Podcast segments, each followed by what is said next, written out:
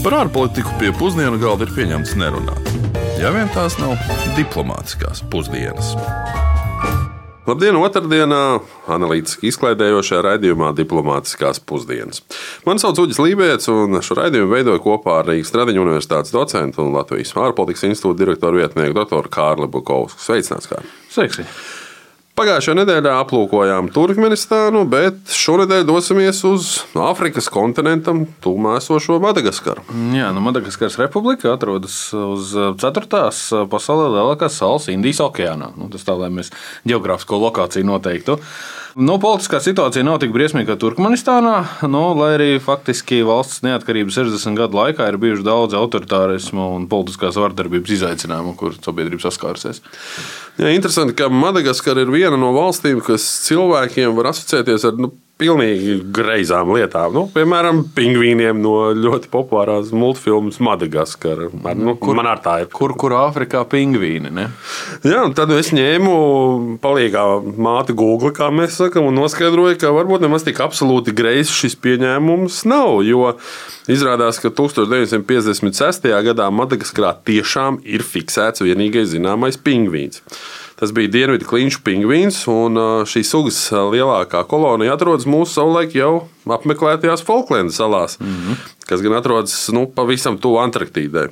Bet tuvākā šo pingvīnu sugas likstošanas vieta Madagaskarā ir aptuveni 2000 km attālumā esošās Prinča Edvarda salas Dienvidāfrikā. Nu, pareizākās asociācijas gan laikam būtu ar Madagaskaras šņācēju prusakiem. Vai arī tie, kas interesējas par Otro pasaules karu vai ebreju likteni gadsimtu griežos, noteikti zinās arī par Madagaskaras plānu, ar kuru paredzēja polijas ebreju masveidu pārvietošanu tieši uz šo salu. Bet uh, droši vien arī mūsu klausītājiem ir daudz un dažādu asociāciju. Nu, tad mūsu kolēģis Ulris Česberis devās skaidrot, ar ko tad viņiem asociējas Madagaskara. Ko jums asociējas valsts Madagaskara? Nu, tā ir sala kaut kur tuvu Āfrikai atrodas. Atrodas Āfrikā. Dzīvnieciņi tur dzīvo. Dzīvo lauvas, žirafes un zebra. À, es zinu par filmām, animācijas. Par pašu valsts ļoti maz ko zinu. Gan arī neko. Uh, sala lielākā pie Āfrikas. Diezgan daudz sugas, visādas dzīvnieku un, un, un augu, kas nekur citur nav pasaulē. Tā ir sala pie Āfrikas. Nekad tur neesmu bijis. Filma ir pa Madagaskaru. Lai arī pirms tam minējām, ka Madagaskara ir ceturtā lielākā sala pasaulē, man vienmēr ir bijusi asociācija, ka viņa ir diezgan maza. Mm. Nezinu, tā tam vienmēr licies.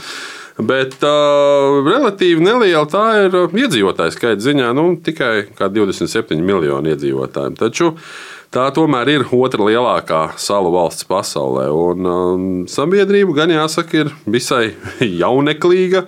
Lai neteiktu, ka pat uh, visai bērnišķīgi, jo gandrīz 60% valsts iedzīvotāji ir vecumā līdz 24 gadiem. Un uh, dzimstība ir gan liela, Vienai sievietei ir vidēji četri bērni. Nu jā, bet tas uzreiz sasaucas ar citu faktu - bērnu izprecināšanu. Jo 2013. gada statistika, piemēram, liecināja, ka trešdaļa sieviešu vecumā no 20 līdz 24 gadiem bērnus bija dzemdējušas vēl nesasniedzot pilngadību un likumīgi atļautu precīzu vecumu, kurš ir 18 gadi. Ekstrēmā nabadzība, par kur mēs tūlīt arī runāsim vairāk, izglītības trūkums, nu, kur, piemēram, tikai 75% iedzīvotāji pēc 15 gadu vecuma prot lasīt un rakstīt, un pamatā arī laukos dzīvojošo sabiedrību sabiedrība ir nozīmīgākie iemesli šai situācijai un šim sieviešu līdztiesības izaicinājumam. Starp citu, arī mūsdienās Madagaskaras sabiedrībā valda dažādi tabū, kuru dēļ sievietes saskaras gan ar sliktāku izglītību, mazāku nodarbinātību, gan arī nopietnām veselības problēmām. Nu, piemērs ir mēneša reizes. Daudzām sievietēm vienkārši nav piekļuvis ūdenim, nemaz nerunājot par elementārām higiēnas precēm. Nu, vēl viens nozīmīgs aspekts, eh, kā daudzās nabadzīgajās valstīs, bet nu, mūsdienās droši vien arī ne tikai nabadzīgajās valstīs, mēs redzam, ir elementārs informācijas un izglītības trūkums. Taču, protams, dažādi vēsturiskie un reliģiskie aizspriedumi. Jā, Madagaskaras iedzīvotāji ir etniski ļoti neviendabīgi, un par valsts vēsturisko attiecību arī liecina kaut vai tas, ka šajā salā ir uzskaitīts vismaz 18 dažādas etniskās grupas. Vēl šodien verdzības periods ir uh, saglabājies arī dažu etnisko grupu kastu sistēmās. Atkal, par uh, greizām asociācijām runājot, Madagaskaras politiskās turbulences un nabadzības dēļ mēs noteikti domājam, ka valstī ir raksturīgi arī sistemātiski cilvēktiesību pārkāpumi. Cilvēktiesību pārkāpumi ir, bet viņi nav sistemātiski. Respektīvi, cilvēktiesību ziņojumi tomēr vairāk norāda, ka salīdzinājumā ar citām līdzīgām valstīm reģionā vai pat pasaulē valsts cenšas rūpēties par cilvēktiesību principu ievērošanu.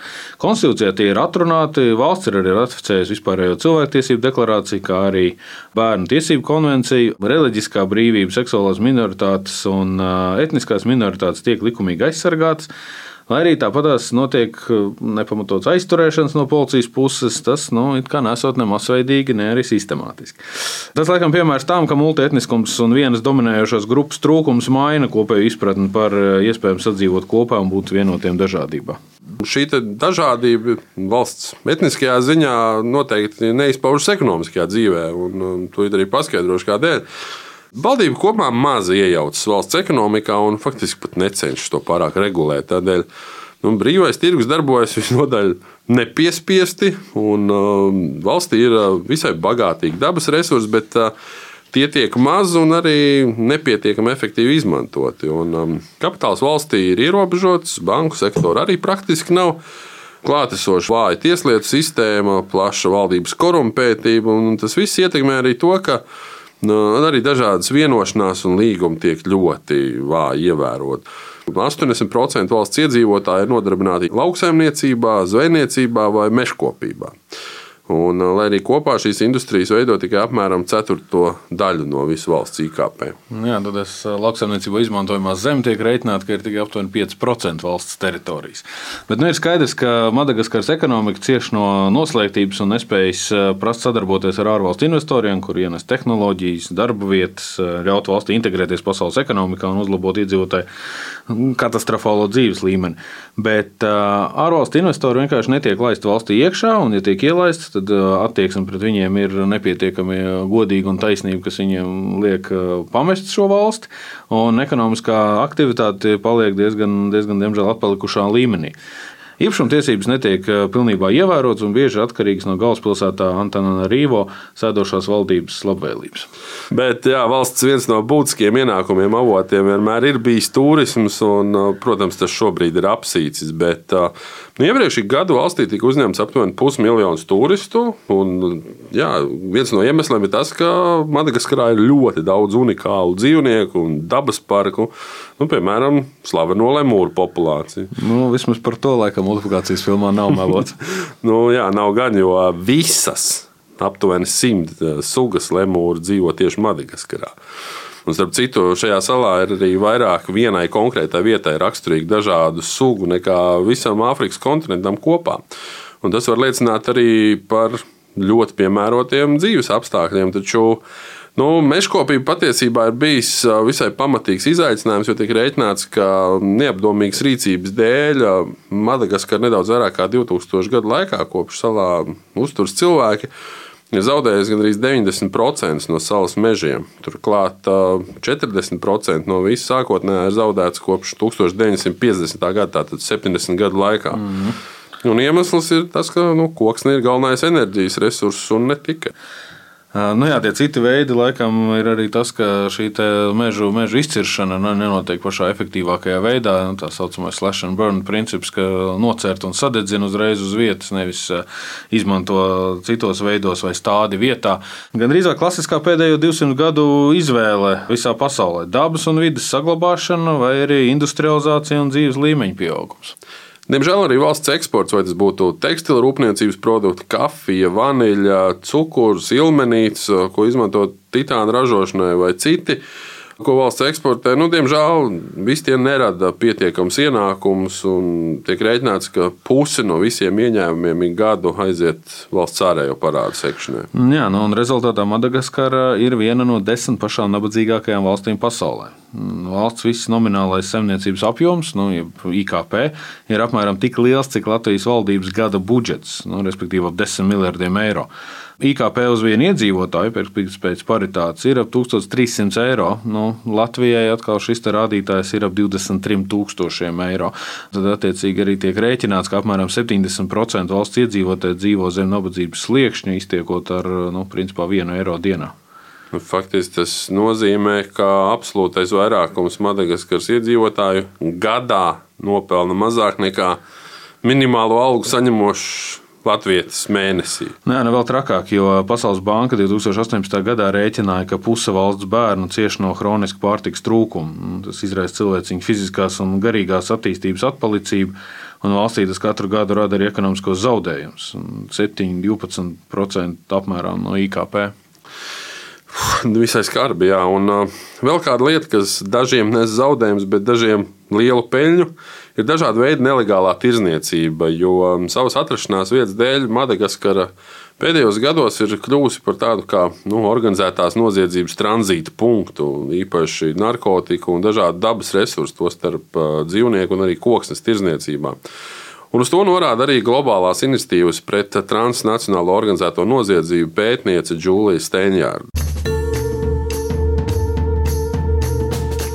The participants in our research, in overall terms, described how drug trafficking in Madagascar operates in an environment. Mūsu pētījuma dalībnieki aprakstīja to, kā narkotiku tirdzniecības tīkli darbojas Madagaskārā, kur korupcija un organizētā noziedzība spēlē nozīmīgu lomu arī politiskajā dzīvē. Narkotiku tirdzniecības tīkli izmanto esošo institucionālo vājumu, padarot šo salu par tranzīta punktu. Šeit jāņem vērā vēsturiskais konteksts un atkārtoti politiskās nestabilitātes un pārejas posmi. Piemēram, pēc 2009. gada militārā apvērsuma valsts institūcijas ievērojami pavājinājās. Ir pieaugusi korupcija, ekonomika piedzīvo lejupslīdi, ir pieaugusi korupcija, kas saistīta ar dabas resursu un apdraudēto sugu, piemēram, piemēram, rožkoka jeb palisandra neatļautu tirdzniecību.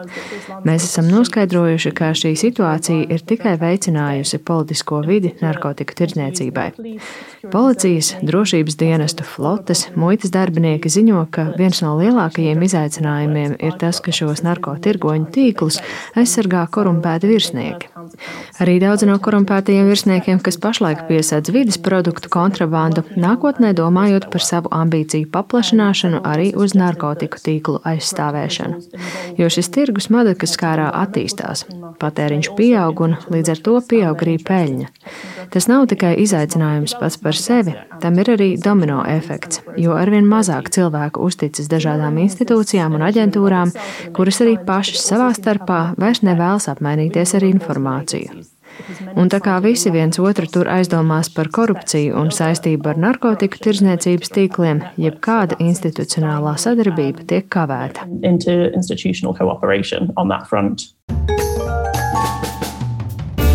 Nu jā, nu atliek gan secināt, ka Madagaskara ir tādā kā aburtajā lokā. Nabadzība veicina korupciju, korupcija vājina ekonomiku un veicina organizēto noziedzību. Bet vājināt ekonomiku, protams, veicina nabadzību un arī sociālo atstumtību. Nu, lai šo aborto loku pārautu, ir nepieciešama spēcīga politiskā grība, bet nu, kuras, diemžēl, Madagaskarā vismaz pagaidām neatrast. Lai cik būtu paēdis, vienmēr ir vieta arī desertam. Nu, politiskais un ekonomiskais haoss, protams, nav vienīgais, kas Madagaskarē ir raksturīgs. Nu, desertam pēc daudziem skarbiem un Negaršīgi. negaršīgiem desertiem varbūt tās prasītos arī kāds saldumiņš šoreiz. Tāds saldumiņš un smaržumiņš, varētu teikt tā. Jā. Par bagātīgajiem dabas resursiem mēs jau runājām, bet uh, droši vien zināji, ka tieši Madagaskara audzē un eksportē 80% no pasaules dabiskās vaniļas. Un vienlaicīgi gan tiek rēķināts, ka dabiskā vaniļa ir tikai apmēram 5% no pasaules pārtikas izstrādājuma. Pārējā ir mākslīga. Mm. To gan es nezināju. Madagaskaras burbonu vaniļa ir nosaukta pēc Burbonu salā veikta atklājuma. Proti, kāds 12 gadus vecs vergu puisītis Edmunds Albijs 1841. gadā atklāja, ka aputeksnē tradicionāli Meksikā atrodamās vaniļas orhidejas var ne tikai bites, bet arī cilvēks ar rokām. Un uzreiz pēc tam vaniļas plantācijas kļuva par ikdienas parādību arī Madagaskarā. Nu, Tāpēc savulaik tika uzskatīts, ka vaniļai ir arī drudzi mazinošas īpašības, bet nu, tomēr joprojām nav izdevies zinātniski to pierādīt, kā mēs saprotam. Bet zinātniski pierādīts nav arī Covid-19 ārstēšanai. Madagaskaras prezidenta Andrija Raželina piedāvātais un bērniem obligāti uzspiestais augu toniks ar nosaukumu Covid organiks. Jā, un ar šo pavisam dīvaino faktu mēs arī noslēdzam šīs dienas raidījumu, bet nākamnedēļ jau dosimies uz ziemeļiem pie ziemeļbriežiem un Ziemassvētku vecīšu. Proti, 22. decembrī Ziemassvētku priekšvakarā, kā jau Ziemassvētkos pieklājas, runāsim par Somiju, par Labzemi. Bet tikmēr klausieties mūsu raidījumu arī Apple, Spotify, Google podkastos un uz sadzirdēšanos jau pēc nedēļas. Lai izdodas! Diplomātiskās pusdienas katru otrdienu pusdienos Latvijas Radio 1.